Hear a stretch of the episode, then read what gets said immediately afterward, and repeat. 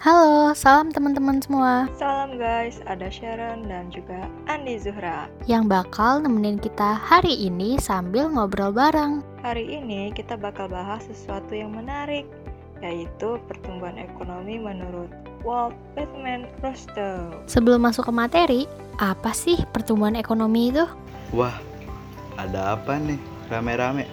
Seru banget kayaknya. Wah, ini dia guys. Waduh, ini nih. Bintang tamu kita udah dateng nih semuanya. Mari kita sambut Rizal Lukmanul Hakim. Aplausnya dulu dong guys. Haha, bisa aja. Dengar-dengar nih lagi ngomongin pertumbuhan ekonomi ya. Betul banget. Coba Zal, mungkin bisa dijelasin nih ke teman-teman apa sih pertumbuhan ekonomi itu? Gini nih teman-teman, pertumbuhan ekonomi adalah suatu kondisi yang memungkinkan terjadinya peningkatan produk domestik bruto dari suatu negara atau daerah. Dan pertumbuhan ekonomi yang kita bahas adalah teori menurut Walt Whitman Rostow, yang di mana pertumbuhan ekonomi terdiri atas lima tahap. Oh iya, sebelumnya kalian tahu gak sih?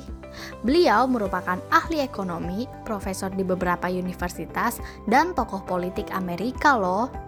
Teori beliau menyatakan bahwa pertumbuhan ekonomi dapat dicapai dalam lima tahap, yakni masyarakat tradisional, prasyarat untuk lepas landas, lepas landas, menuju kedewasaan, dan konsumsi yang tertinggi.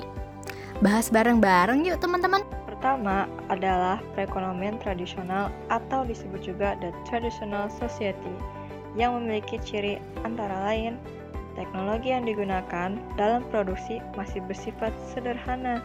Produksi yang dihasilkan rendah sehingga hanya cukup untuk memenuhi kegiatan sendiri dan kegiatan produksi dilakukan secara tradisional. Kedua, ada perekonomian transisi yang menganut ciri-ciri yakni timbulnya pemikiran mengenai pembangunan ekonomi untuk meningkatkan kesejahteraan.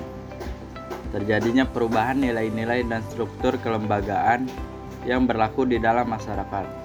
Dan perekonomian mulai menciptakan kerangka ekonomi yang kokoh untuk mencapai tingkat perekonomian yang lebih maju. Selanjutnya adalah perekonomian lepas landas yang memiliki ciri-ciri tersebut, antara lain kegiatan ekonomi berlangsung secara terus-menerus dengan hasil yang memuaskan. Nilai investasi yang bersifat produktif meningkatkan sebesar 10% dari nilai produk nasional neto. Terciptanya kondisi yang membuat semua lembaga berfungsi sesuai harapan masyarakat dan terciptanya kestabilan di bidang politik dan sosial. Lalu ada perekonomian menuju kedewasaan yang memiliki ciri-ciri tenaga kerja yang terlibat pada proses produksi bersifat profesional, berkurangnya peranan di sektor pertanian, dan adanya perubahan di dalam struktur organisasi perusahaan. Nah, yang terakhir adalah perekonomian dengan tingkat konsumsi yang tinggi, yaitu dengan ciri-ciri sektor industri telah berjalan dengan baik sehingga tidak ada lagi masalah pada kegiatan produksi. Tujuan utama konsumsi masyarakat adalah untuk meningkatkan arti hidup serta timbulnya usaha-usaha untuk menciptakan kesejahteraan yang merata. Gimana nih guys? Udah pada paham kan sekarang? Pastinya dong, seru banget pembahasan kita hari ini. Sayang banget nih, untuk sekarang kita harus pamit dulu. Eits, tapi jangan khawatir. Tungguin keseruan cicet bareng kita di podcast selanjutnya. Makasih ya teman-teman udah mau nemenin kita ngobrol. Dadah!